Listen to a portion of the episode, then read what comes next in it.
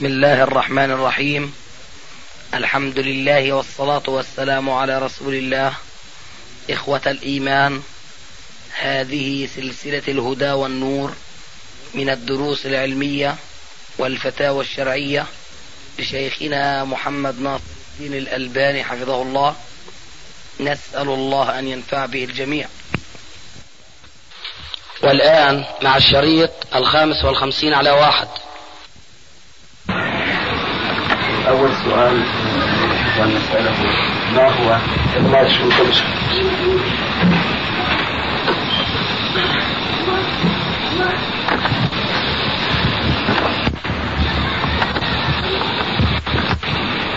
ما حكم دخول الجماعة وما تنصحنا إذا إذا كانت الجامعة منفصل فيها الشباب شاباتي وكان التدريس فيها إذا ما كان في شيء من التدريس مخالف للشريعة ليس مفروضا على الطالب الفرض فيجوز الدخول إليها والدراسة فيها هذه بلا شك فيها فوائد يستفيدها ما تتيسر له في خارجها أما إذا كان التدريس مختلفا فحين ذاك كما قال عليه السلام وبينهما أمور مشتبهات لا يعلمهن كثير من الناس فمن اتقى الشبهات فلا يوشك أن يقع فيه. ويبتعد عن هذا المجتمع خشية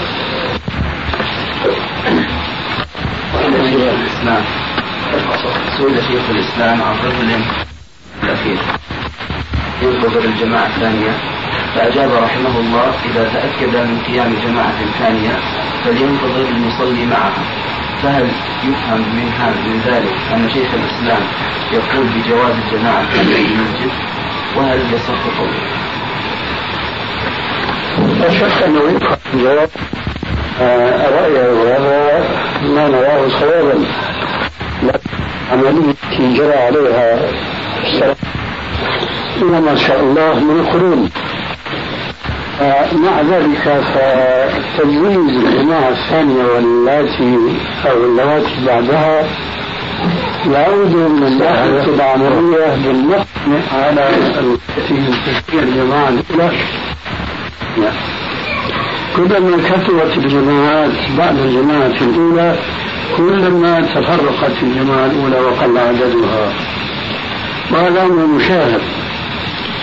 أما الأدلة التي توحي إلينا بأن هذه الجماعة الثانية فضلا عما وراءها لا تشرع فهو أننا نرى الحديث الذي أخرجه البخاري ومسلم في صحيحيهما من حديث أبي هريرة رضي الله عنه قال قال رسول الله صلى الله عليه وسلم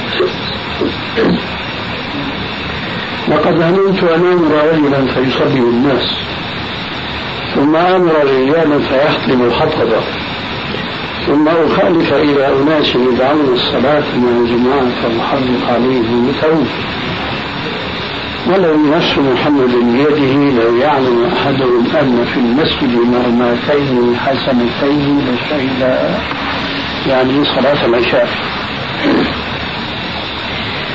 فهذا الحديث يشعرنا بأنه لم يكن في عهد النبي صلى الله عليه وسلم جماعة أخرى. لأنها لو كانت موجودة لم تكن حجته عليه السلام قائمة على أولئك المتخلفين عن صلاة الجماعة خلفه عليه السلام لأنهم سيقولون نحن نصلي مع الجماعة الثانية أو الثالثة أو لكن الحديث يشعرنا شعارا قويا جدا أنه لم يكن في عهد الرسول عليه السلام إلا جماعة واحدة. وبذلك تقوم الحجة على المتخلفين عنها. يضاف إلى هذا الحديث الأحاديث التي فيها الوعيد الشديد على المتخلفين عن صلاة الجماعة منها حديث ابن مسعود في صحيح مسلم وهو حديث طويل يقول فيه أنهم كانوا يرون المتخلف عن صلاة الجماعة أنه منافق. معلوم النفاق. فلا فلا يشك لاحظ أبدا لأن هذا الحديث وذاك محمول عن جماعة الأولى وحينئذ لا تفيد الجماعة الثانية ولا تحقق الغرض المنشود من هذا الوعيد الشديد من الرسول عليه السلام بالنسبة للمتخلفين عن صلاة الجماعة. كذلك مثلا الحديث الذي يأمر المصلي بأن ينطلق إلى المسجد حينما يسمع منادي الله يقول على الصلاة حي على كما تعلمون فيما أعتقد لما جاءه عامر ابن أم مكتوم يسأله هل له رخصة في أن يتخلف عن صلاة الجماعة وأجابه في أول الأمر بأنه لا ذلك حينما عرف أنه أعمى وأنه في طريق الأشجار والأحجار. إلى آخر ما ذكر من الأعذار في الحديث. لكن الرسول عليه السلام وكأنه أوحي إليه بوحي جديد قال له أتسمع النداء؟ قال نعم. قال فأجب. فإذا كان هذا الضرير ومع تلك الأعذار التي وصفها ببلاغته لم يعذر بعدم الاستجابة للمؤذن حين يقول حي على الصلاة. قال يعذر المتخلفون عن الصلاة وهم أقوياء وأصحاء لا شك أنهم لا يعذرون فإذا قيل في الجماعة الثانية؟ ذلك أننا فتحنا لهم بابا وعذرا ليتداركوا ما فاتهم من التخلف عن صلاة الجماعة. ثم في فتوى شيخ الإسلام رحمه الله آه، مخالفة أخرى في زعمه وهي أن هناك حديثا في سنن أبي داود عن معاذ بن جبل أو في قصة معاذ بن جبل فإنه عليه السلام قال فيها اسمعوا ما يسمع الإمام. لأن قبل تحكيم هذا الحكم في الإسلام كان من المشروع في السنة أنه حين يدخل داخل المسجد ويدخل في الصف يسأل من كان في الصف يصلي. أي ركعة هذه؟ يقول له مثلا هذه ركعة. يعني الثانية وهو يصلي ركعة الفائتة لوحده ينضم إلى الإمام. ويسلم معه ثم نسخ هذا الحكم بنصوص كثيرة منها قوله تعالى وقولوا لله قانتين فلا يجوز من كان يصلي أن يتكلم. وهذا الحكم نسخ بمناسبة مجيء معاذ بن جبل إلى المسجد ووجد الرسول عليه السلام في الصلاة فدخل في الصلاة. وما سأل كما كان يسأل من قبله. لما سلم عليه الصلاة والسلام وعرف ما فعل معاذ قال لهم اصنعوا ما يصنع الإمام. فإذا كان الإمام راكعا فتركعوا إذا كان ساجدا فسجدون وهذا جاء بيانه في الحديث المعروف في الصحيحين إذا أتيتم الصلاة فأتوها وعليكم السكينة والوقار ولا تأتوها وأنتم تسعون. وما أدركتم فصلوا وما فاتكم فاتينه فإذا أدرك المسبوق الإمام في التشهد عليه بناء على هذا الحديث وما أدركتم فصلوا. وما فاتكم فأتموا. فعليه أن يقتدي بالإمام ولا يتأخر عنه. هذا لو كانت الجماعة الثانية مشروعة. أما وهي غير مشروعة بما ذكرنا من أدلة ومن أدلة أخرى فأولى وأولى أن لا يجوز لهذا المسبوق داخل المسجد والإمام جالس في التشهد أن ينتظر وأن لا يفعل وأن لا ينضم إلى الإمام لأن هذه فيها مخالفة صريحة للإمام ثم مما يشعرنا بأن الجماعة الثانية وما بعدها لا تشرع في الإسلام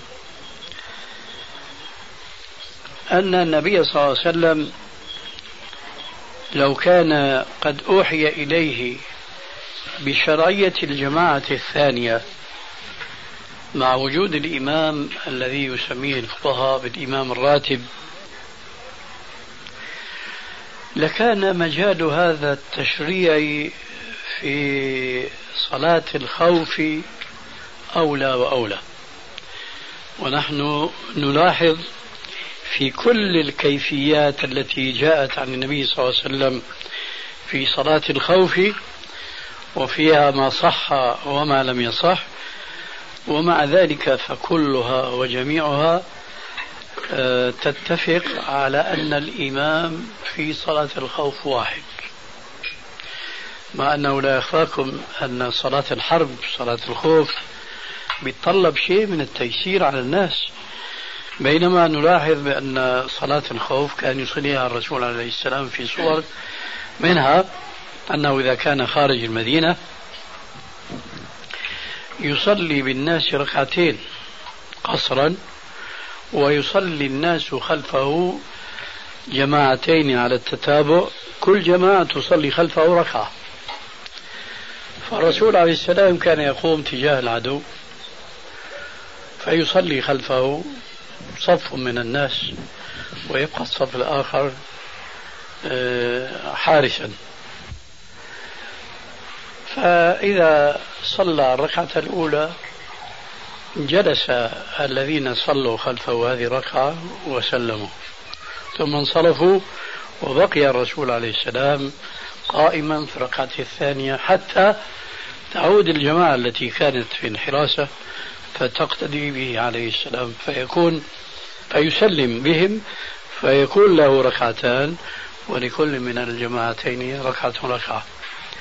أحيانا كان يصفون جميعا إذا كان العدو في القبلة بحيث يراه الرسول عليه السلام. لكن مع ذلك في حرص شديد على الحراسة فإذا ركع الرسول عليه السلام وسجد ركع معه الصف الأول وسجد وبقي الصف الثاني قائما يحرسه فإذا قام الرسول عليه السلام إلى الركعة الثانية ركع هؤلاء وسجدوا ثم قاموا واشتركوا مع الرسول عليه السلام في الركعة الثانية وسلم بهم جميعا. نحن بنقول بالتعبير الشامي شو هاللبكة هذه مشان إيش التضييق هذا والتجديد؟ خلي يصلي الرسول عليه السلام مع جماعة وينصرف ويأمر أبو بكر أو غيره أن يصلي بالجماعة الثانية وهكذا. وما يكون في هذا التدقيق وهذا التجديد في المحافظة على وحدة الإمام. هذا في صلاة الخوف في صلاة الخاف الحرب. فكيف نحن نفرق جماعة الأولى إلى جماعات وجماعات؟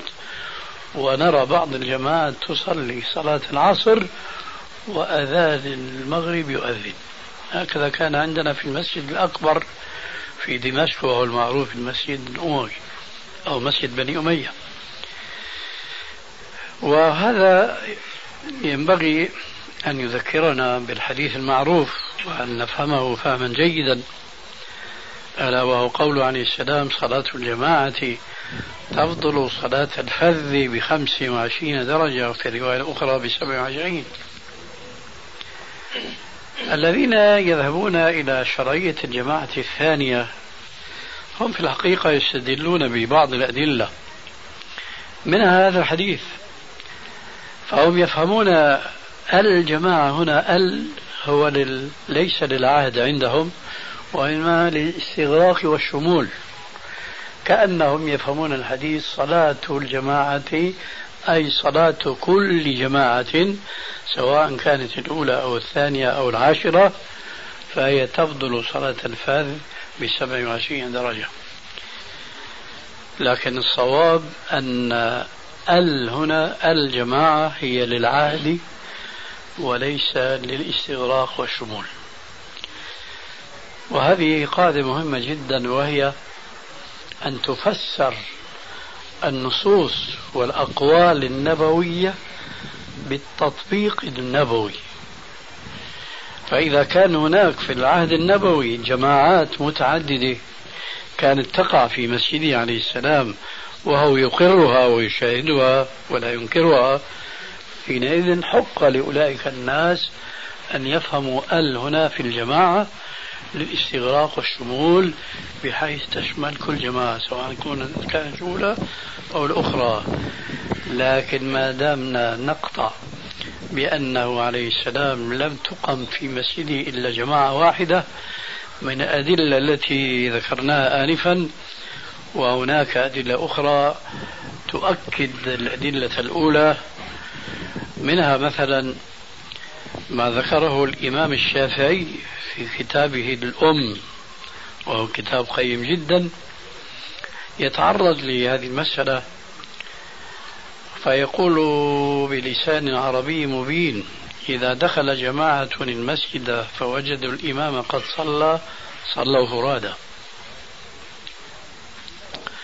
وإذا صلوا جماعة أجزأتهم صلاتهم ولكني أكره ذلك لأنه لم يكن من عمل السلف. هنا الشاهد.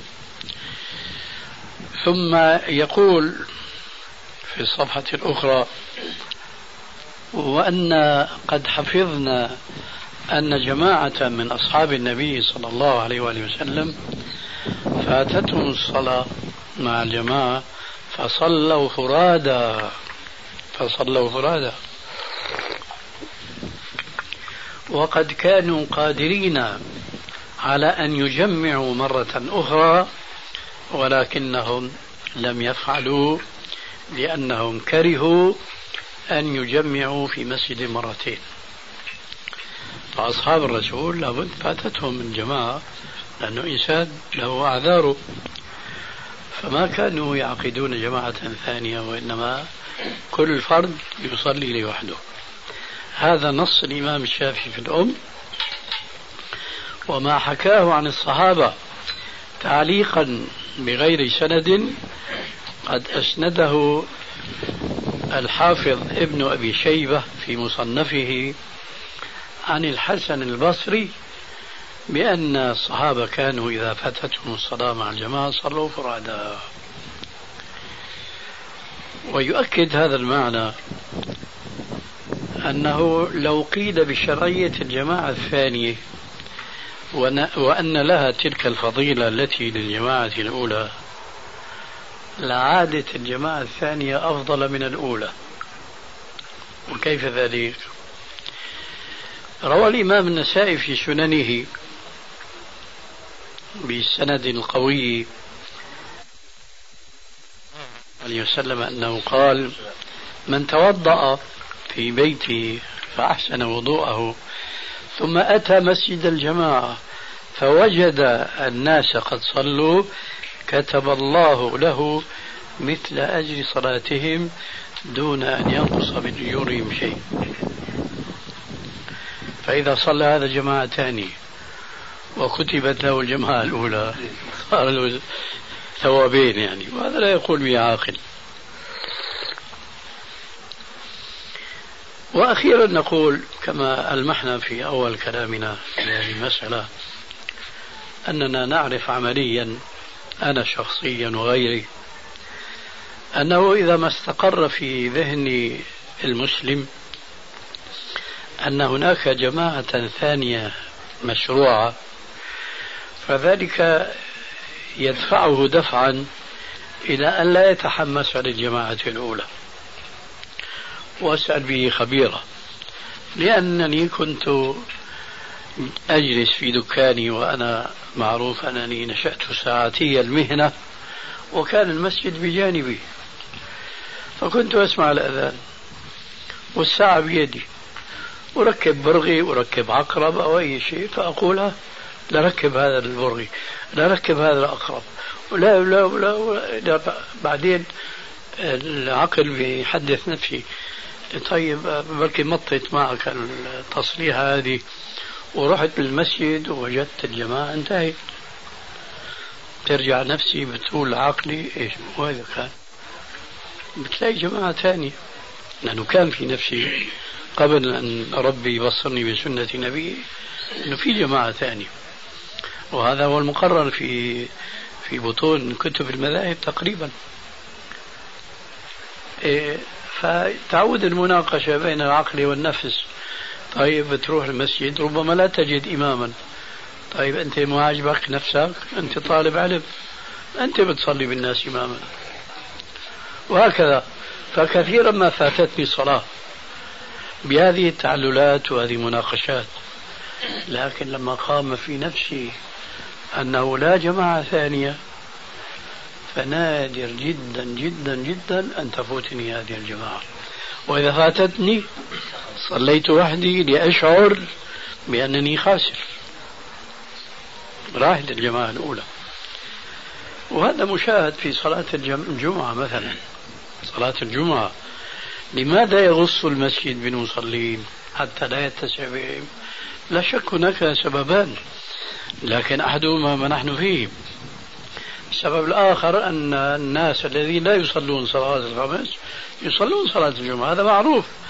لكن أيضا من جملة الأسباب أن الذين يحرصون على الصلوات الخمس مع الجماعة وعلى صلاة الجمعة قام في أنفسهم أنه يجوز تكرار صلاة الجماعة لكن لا يجوز تكرار صلاة الجمعة. من أجل ذلك يغص المسجد بالمصلين يوم الجمعة لأنه قام في أنفسهم أن لا تكرار لهذه الجماعة.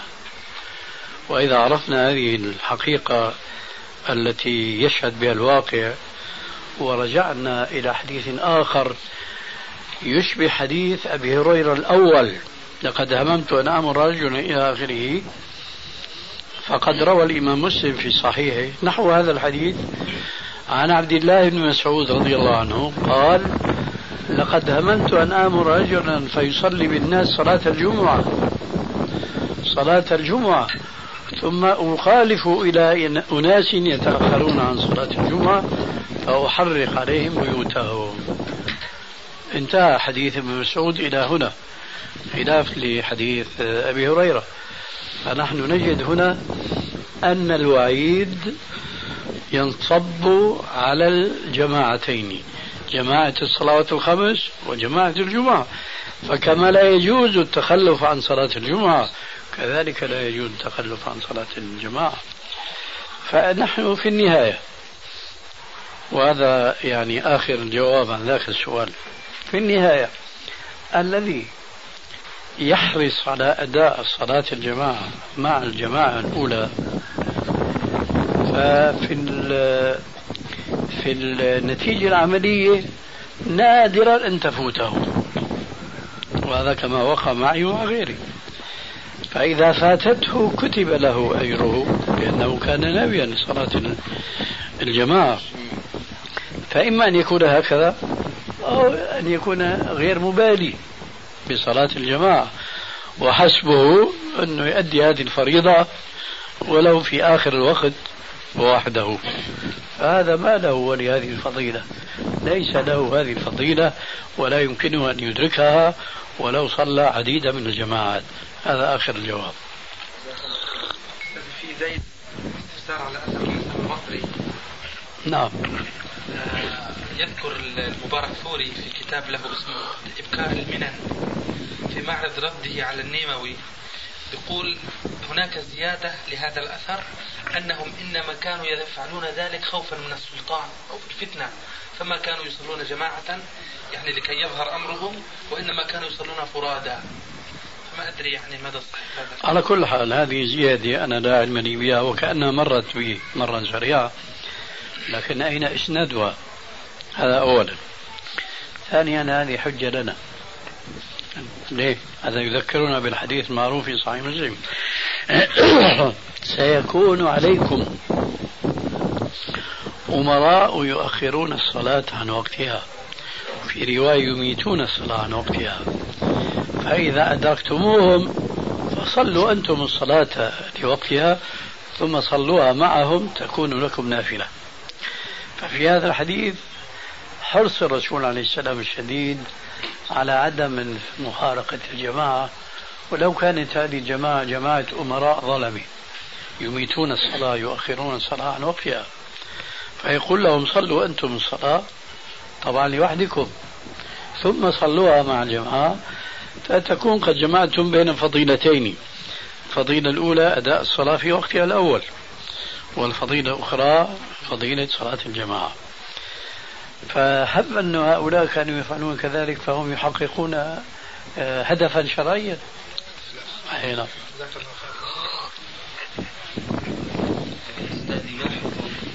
صلاة الجماعة قبل الإمام الراتب لضرورة؟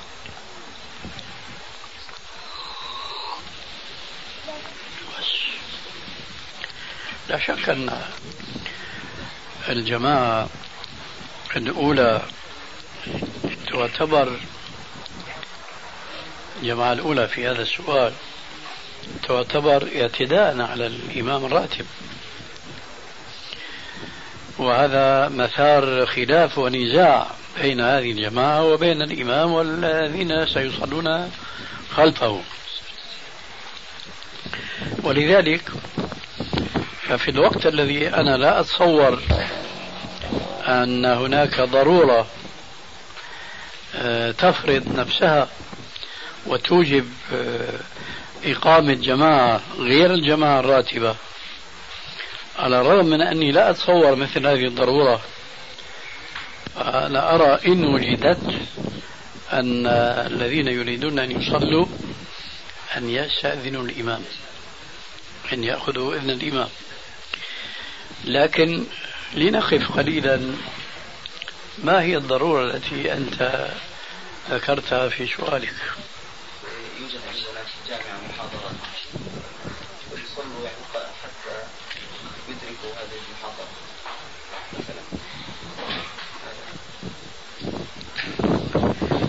والصلاة التي تقام في المسجد وبعد الأذان بطبيعة الحال.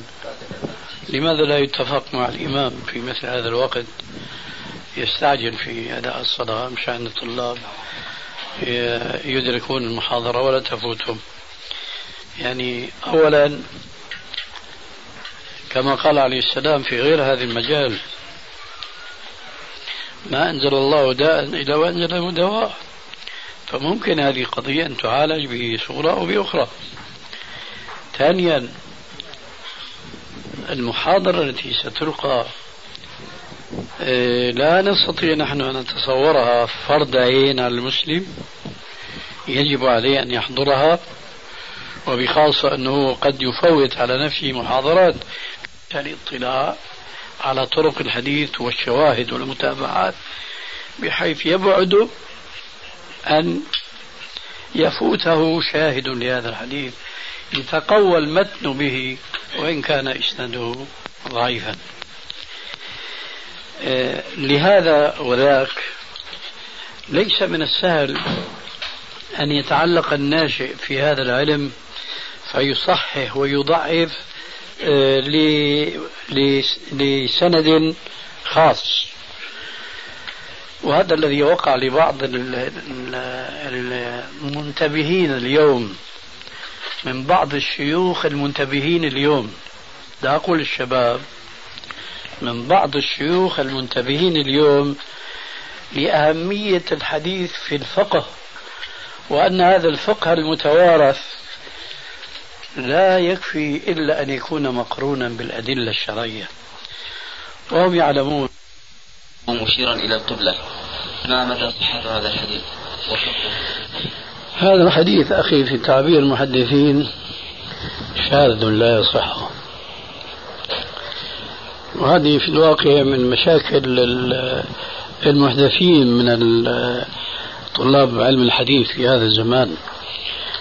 آه، من أدق العلوم في المصطلح كما يقولون هو معرفة علم الحديث. لأن الإنسان الذي تمكن بعض الشيء من مصطلح الحديث فباستطاعته أنه إذا درس إسناد حديث أن يحكم عليه بالصحة أو بالضعف لكن فهو قائم على نظره إلى خصوص هذا الإسناد في هذا الحديث. لكن لو أنه كان واسع الاطلاع على كتب السنة وعلى طرق الأحاديث فجمع طرق هذا الحديث أو ذاك. نحن كلامنا الآن عام. لربما كشفت له هذه الطرق عن علة في هذا السند فيعود عن حكمه السابق الذي هو الصحة إلى التضعيف الذي هو الشذوذ في أحسن أحواله. كذلك حين يحكم على إسناد حديث بالضعف وذلك بطبيعة الحال يستلزم الحكم على الحديث بنفس الضعف. لكنه لو كان واسع الإطلاق على الشواهد والمتابعات والطرق لربما وجد في تلك الطرق ما يقوي ذاك الإسناد الذي فيه الضعف. وهذا الذي حمل بعض المحدثين إلى أن يتساءلوا في مصطلحهم. إذا وجد طالب العلم حديثا بإسناد ضعيف فهل يجوز له أن يقول هذا حديث ضعيف أم يقول هذا حديث إسناده ضعيف؟ قالوا قولين يعني يجوز هذا ويجوز هذا لكنهم قيدوا الجواز بالنسبة لمن كان واسع الاطلاع. على طرق الحديث والشواهد والمتابعات بحيث يبعد أن يفوته شاهد لهذا الحديث يتقوى المتن به وإن كان إسناده ضعيفا. آه، لهذا وذاك ليس من السهل أن يتعلق الناشئ في هذا العلم فيصحح ويضعف لسند خاص. وهذا الذي وقع لبعض المنتبهين اليوم من بعض الشيوخ المنتبهين اليوم. لا أقول الشباب من بعض الشيوخ المنتبهين اليوم لأهمية الحديث في الفقه وأن هذا الفقه المتوارث لا يكفي إلا أن يكون مقرونا بالأدلة الشرعية. وهم يعلمون أن هناك دليلان فقط يدور حولهما دليلان الآخران الإجماع والقياس. الدليلان الكتاب والسنة فيعلمون أن أي فقه لم يكن قائما على الكتاب والسنة فلا يكون له قيام وثبات. فبعض هؤلاء الناشئين من الشيوخ والذين انتبهوا لضرورة علم الحديث أخذوا على تأخر في العمر يشتغلون بعلم الحديث. لكن ما عندهم الدراسة البعيدة المدى والدخول في بطون كتب الحديث وبخاصة ما كان منها مطبوعا مخطوطا فضلا عما كان منها يعني من المطبوعات التي لم تشتهر. بين الناس.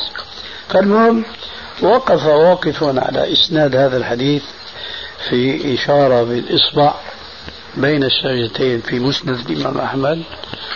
فرجع إلى كتب الرجال فوجد السند كلهم ثقات ما في إشكال إطلاقا.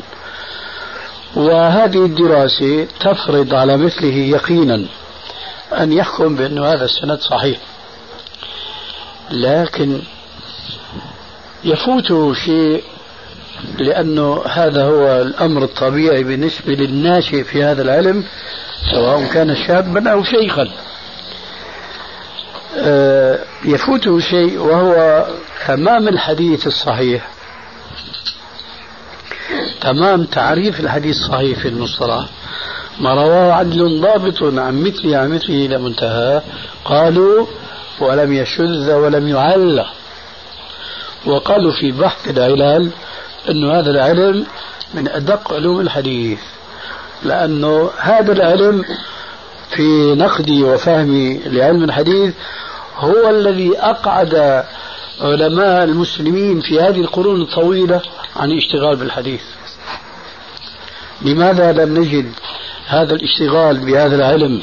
كما اشتغلوا بالتفسير وبالفقه وبالنحو وبالصرف إلى آخره لأنه يحتاج جهود جبارة جدا.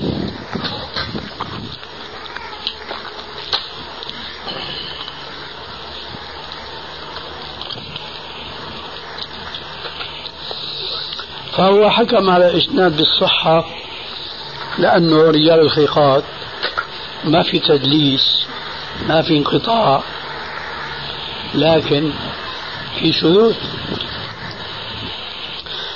وهنا يظهر شيء. هذا الشذوذ كان بالإمكان أن يكتشفه ولو من نفس الكتاب الذي روى هذا الشاذ. بدون بقى ما يتعمق في دراسة الكتب الأخرى وبخاصة ما كان منها مخطوطة. لا نفس كتاب مسند الإمام أحمد لهذا الحديث عن وائل بن عجر عدة روايات. بعدة أسانيد تنتهي هذه الأسانيد كلها إلى عاصم بن كليب عن أبيه عن وائل. ثم تتفرع الطرق من دون عاصم. فلو أن هذا الذي صح هذا الحديث ونشر العمل به بين الناس رجع إلى طرق هذا الحديث عن عاصم. في نفس مسند أحمد لوجد هذه الروايات كلها كلها تتفق على ذكر التحريك في التشهد. كما معروف في كل الأحاديث عن غير وائل.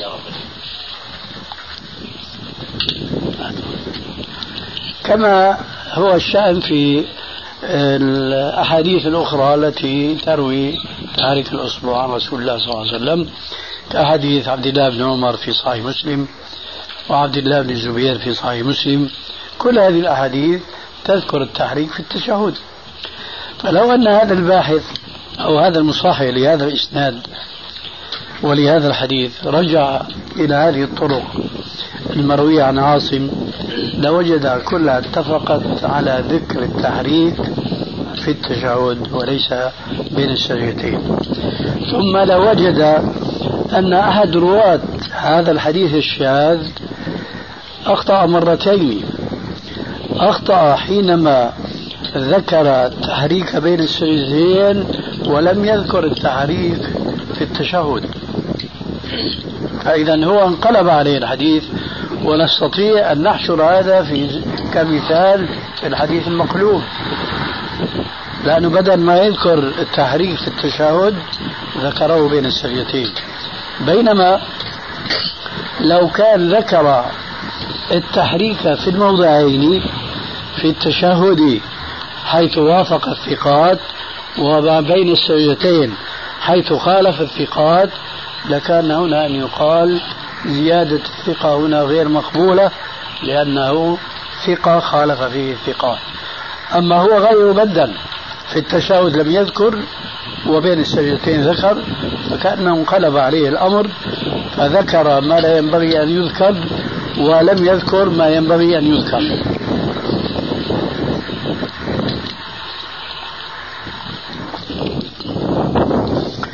بهذا ينتهي الجواب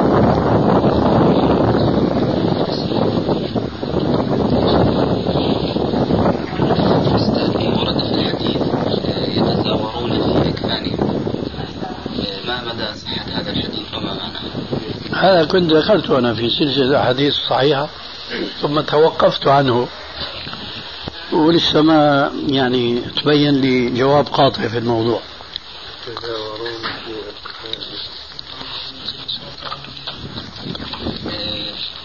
يقول السلام يقول بعض الناس أن الصلاة على النبي صلى الله عليه وسلم لا بد وأن يصاحبها التسليم. وذلك لقوله صلى الله عليه وسلم سبحانه صلوا عليه وسلموا تسليما. لقوله سبحانه وليس الرسول صلى الله عليه وسلم. أيوة. الله عليه وسلم تسليما. فما مدى صحة هذا القول؟ هذا صحيح بالنسبة للصلاة.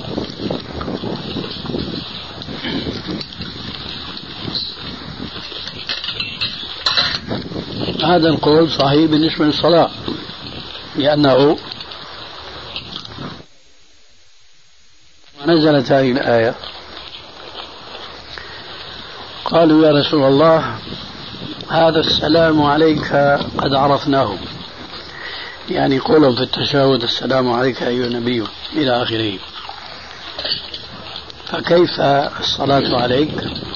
قال قولوا اللهم صل على محمد وعلى آل محمد إلى آخره.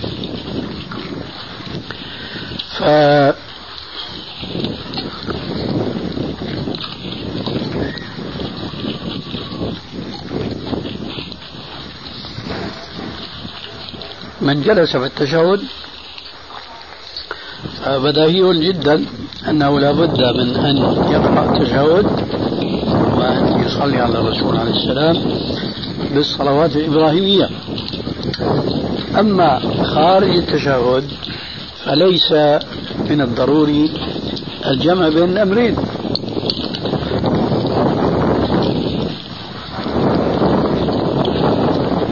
لأننا نعلم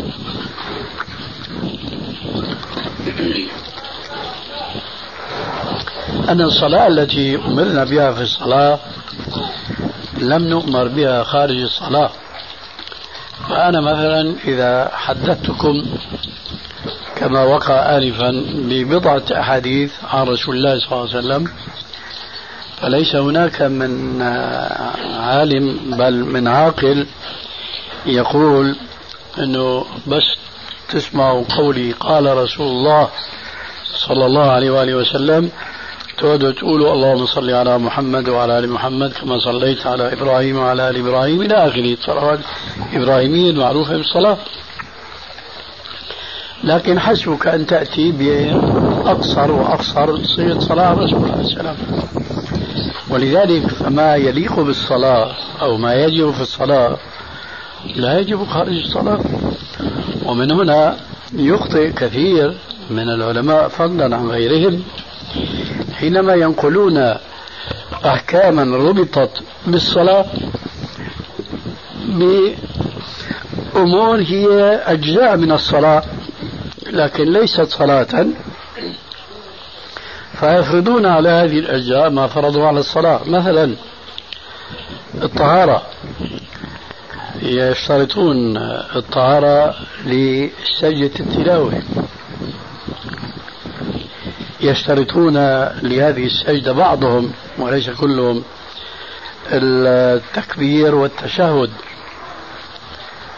لهذا الحكم خطأ لأنه سجدة التلاوة صحيح أنها جزء من الصلاة لكن ليست هي الصلاة.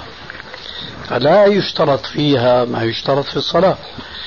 كذلك نقول الصلاة الإبراهيمية هذه خاصة في الصلاة كالتشهد تماما. فصلوا عليه وسلموا تسليما بهذه الصيغتين المحفوظتين عنه عليه السلام فهما خاصتان بالصلاة المفروضة أو النافلة أما خارج الصلاة فإذا قلت صلى الله عليه وسلم أو صلى الله عليه أو قلت عليه السلام فقد قمت بما يجب عليك وأنجيت نفسك من أن تستحق وصف البخيل الذي وصف الرسول عليه السلام به من لم يصلي عليه عند ذكره. البخيل من ذكرت عنده فلم يصلي عليه. ولذلك ما وجدنا في كل كتب علماء المسلمين القديمة منها والحديثة أن المؤلف إن كان البخاري أو مسلم أو غيرهم ممن هم أعرف الناس بسنة الرسول عليه السلام أنه إذا ذكروا الرسول في مناسبة ما وما أكثر هذه المناسبات وقفوا عندها وجمعوا بين التشهد وبين إيش؟ صلاة إبراهيمية أو حتى قالوا صلى الله عليه وسلم حتى بهذه العبارة الموجزة ما التزموها. ومن الأشياء التي نلاحظها على الكتب القديمة دون الحديثة أننا نجد في الكتب القديمة المخطوطة قال رسول الله صلى الله عليه حاف بدون وسلم. وهذا يعني تطبيق منهم عملي للأمر الجائز في الشرع. فإذا السلام هذا ليس بالأمر اللازم لكن إذا فعله المسلم بعبارة مختصرة كما هو المعهود اليوم صلى الله عليه وآله وسلم فقد أتى بما ينبغي.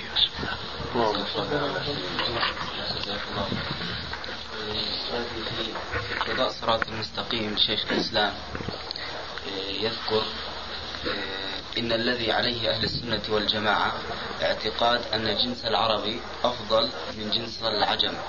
وقال ليس فضل العرب ثم قريش ثم بني هاشم بمجرد كون الرسول صلى الله عليه وسلم منهم وإن كان هذا من الفضل بل هم في أنفسهم فضل.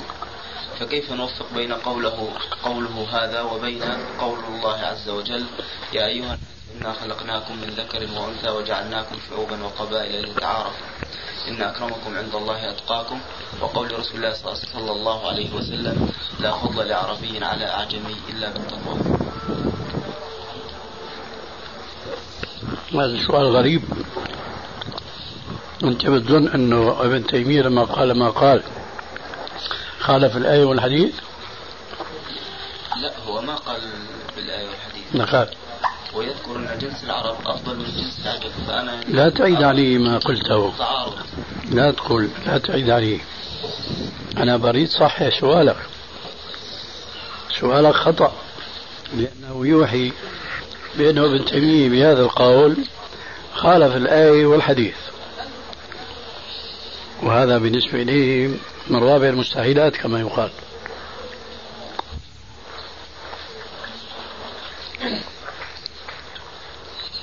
الحقيقة أن القضية هذه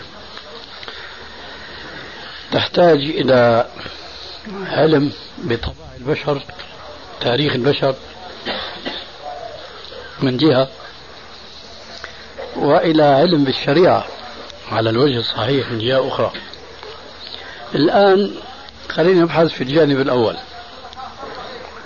هل تظن الآن أنت أن الشعب الزنجي الإفريقي في وعيه وفهمه مثل الشعب الأوروبي. ها؟ ما تخاف. لا يظن ذلك. آه. كلها صريحة. وأنت خايف لأنه قائم في ذهنك أنه كلام ابن تيمية بفضل العرب عند الله. وهنا يكمن الخطأ. مش هذا هو المقصود. ولذلك على التعبير السوري عندنا.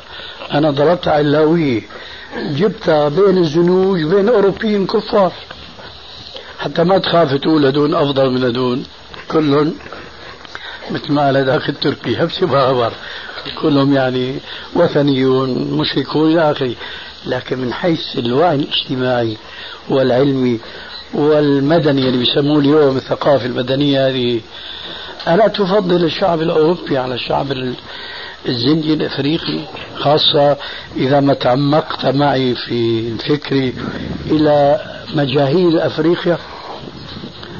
ما تفضل هؤلاء على هؤلاء من الحيثيه هي هل يستويان مثلا؟ لا يستويان مثلا. الآن شعوب الأرض بالعشرات إن لم نقل بالمئات فهل تتصور أنت أنه ما في تفاضل فطري خلقي لا يملكونه.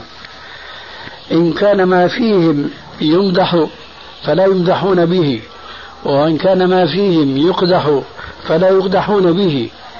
ألا تشعر معي أن هذه الشعوب تتفاوت تماما في هذه القضايا؟ نعم. طيب. إذا عرفت هذا فالآن بنقول زنجي أسلم وأوروبي كفر. من الذي يتقرب إلى الله؟ مش الأوروبي طبعا. وإن كان هو الشعب اللي ممكن يقال من الحيثية مش على التعبير اليهودي شعب الله المختار. لا لكن من حيث إيش؟ فطرته وطبيعته وتمرسه على الحياة والابتكار واختراعه إلى آخره. لا شك أنه هذا الأوروبي المشرك الكافر من الناحية اللي تحدثنا عنها آنفا وهي لا تقرب إلى الله زلفى. هو خير من هذا الزنجي لكن هذا الزنجي بيسوى أوروبا كلها على شركها وضلالها. واضح هذا الشيء؟ طيب. لما بقى ابن تيمية بيجي بيتعرض للعرب كشعب أو كأمة وبفضله على سائر الشعوب الأخرى مش بفضله عند الله عز وجل وإنما كما فضلت أنا وبلا تشبيه الأوروبيين على الزنوج من الحيثية هي. لكن لما بتسأله ابن تيمية أبو لهب مثلا هو أفضل باعتباره عربي قرشي ولا سلمان الفارسي؟ بيقول لك يخس شو جاب هذا أن يذكر ما هذا؟ سلمان الفارسي في بعض الأحاديث الضعيفة منا أهل البيت.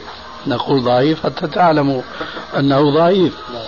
لكن هذه منقبة على كل حال. لا سيما وهم يقولون أنهم يتساهلون في رواية الحديث في المناقب والفضائل إلى آخره.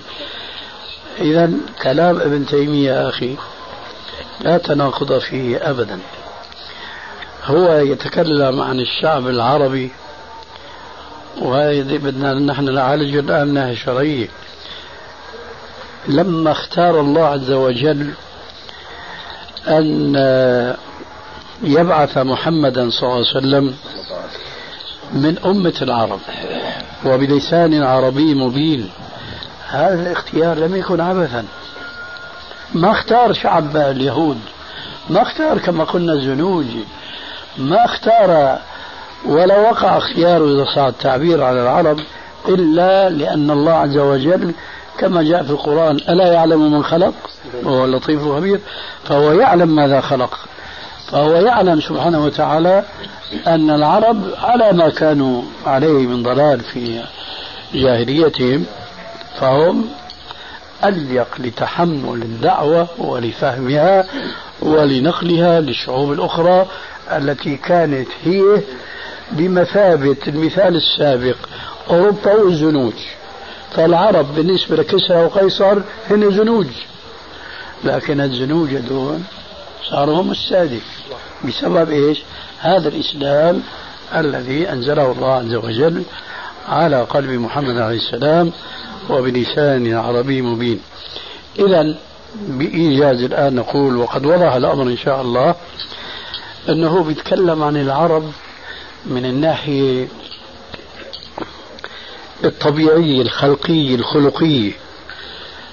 أنت تتكلم من الناحية الشرعية. فما في تنافي بين الأمرين. كما قلنا آنفا أن أبو لهب عربي لكن ما فاده شيء. تذكر بيتين شعر آه، رفع الإسلام سلمان فارس وحط مدري إيش. بيتين شعر كنت حافظهم من 30 40 سنة. ضرب فيه المثال هذا المسلم. إنه شوف هذا أبو لهب كونه عربي. لكن سلمان الفارسي الله رفعه. لأنه آمن بالله ورسوله. فإذا بإيجاد ابن تيمية حاشاه أن يخفى عليه الآية والحديث.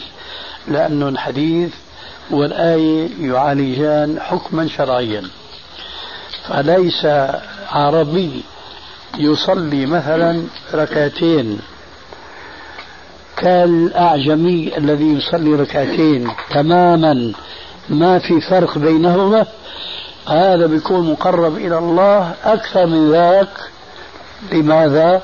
ليكون عربي. لا ابن تيمية لا يعني هذا المعنى إطلاقا وإنما هو يعالج كأمر واقع. العرب ما دام أن الله عز وجل اختارهم لأن تنزل هذه الدعوة بلغتهم وفي هذا الشعب بنفسه فهم لا شك يعني كانوا في في أخلاق وفي طبائع. حقيقة لو الإنسان درس الآن أوروبا ودرس أوضاع هؤلاء هذه كانوا يعيشون على لقيمات من التمر وسافروا من نحن اليوم نسافر بالسيارة والطيارة ونقول كيف سافر هؤلاء من المدينة إلى تبوك على أرجلهم وليس هناك مياه مهيأ لهم. ما في شك أنه هذول قوم يعني حقيقة بنقول شعب الله المختار لكن من الناحية الطبيعية وليس من الناحية الأخلاقية والدينية. فمن أحسن منهم في دينه في خلقه فهو المقرب إلى الله عز وجل ولا ينفعه نسبه إطلاقا وهذا ما صرح به الرسول عليه السلام. في الحديث المروي في صحيح مسلم حيث قال في آخره ومن بطأ به عمله لم يسرع به نسبه. تفضل. ما صح موقوفا سلمان منه على البيت؟ موقوفا ممكن ما ما استعصي لكن المرفوع أعرف أنه لا يصح. نعم. أن نأخذ الإجماع يعني كما يقول إجماع أهل السنة والجماعة من باب وضع يعني حكمة الله أنه يعني في اختيار يعني لماذا يجمع أهل السنة والجماعة على مثل هذه المسألة؟ يعني لو لم يكن فيها من باب يعني يدخل في أمر يعني كون كون يعني الإقرار بأمر من اختيار الله حسن يعني من حكمة اختيار الله. إجماع مين يا أخي؟ هو كما يقول يعني قال ابن تيمية إجماع أهل السنة والجماعة. أيوه. فلماذا يجمع أهل السنة والجماعة على مثل هذا الأمر؟ يعني هل يدخل في أمر أن الله يضع حكمته يعني الحكمة أن لله حكمة في اختيار الرسول صلى الله عليه وسلم. فهذا من باب يعني ندخل في يعني من العقيدة أو شيء. يعني إجماع أهل السنة والجماعة. يعني هل الأمر هذا يعني يحتاج إجماع؟ هذا الأمر يحتاج إلى إجماع. هو كما يقول يعني. معليش.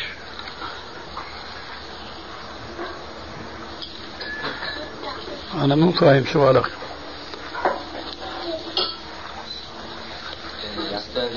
لعله يقصد معلش أستاذي. تفضل. يعني طالما أن الأمر بهالوضوح يعني في الآية وفي الحديث فهل الأمر بحاجة إلى هذا الإجماع المنقول أو لنقل الشيخ الإسلام ابن تيمية؟ أيوه لو ما كان بحاجة ما جاء السؤال.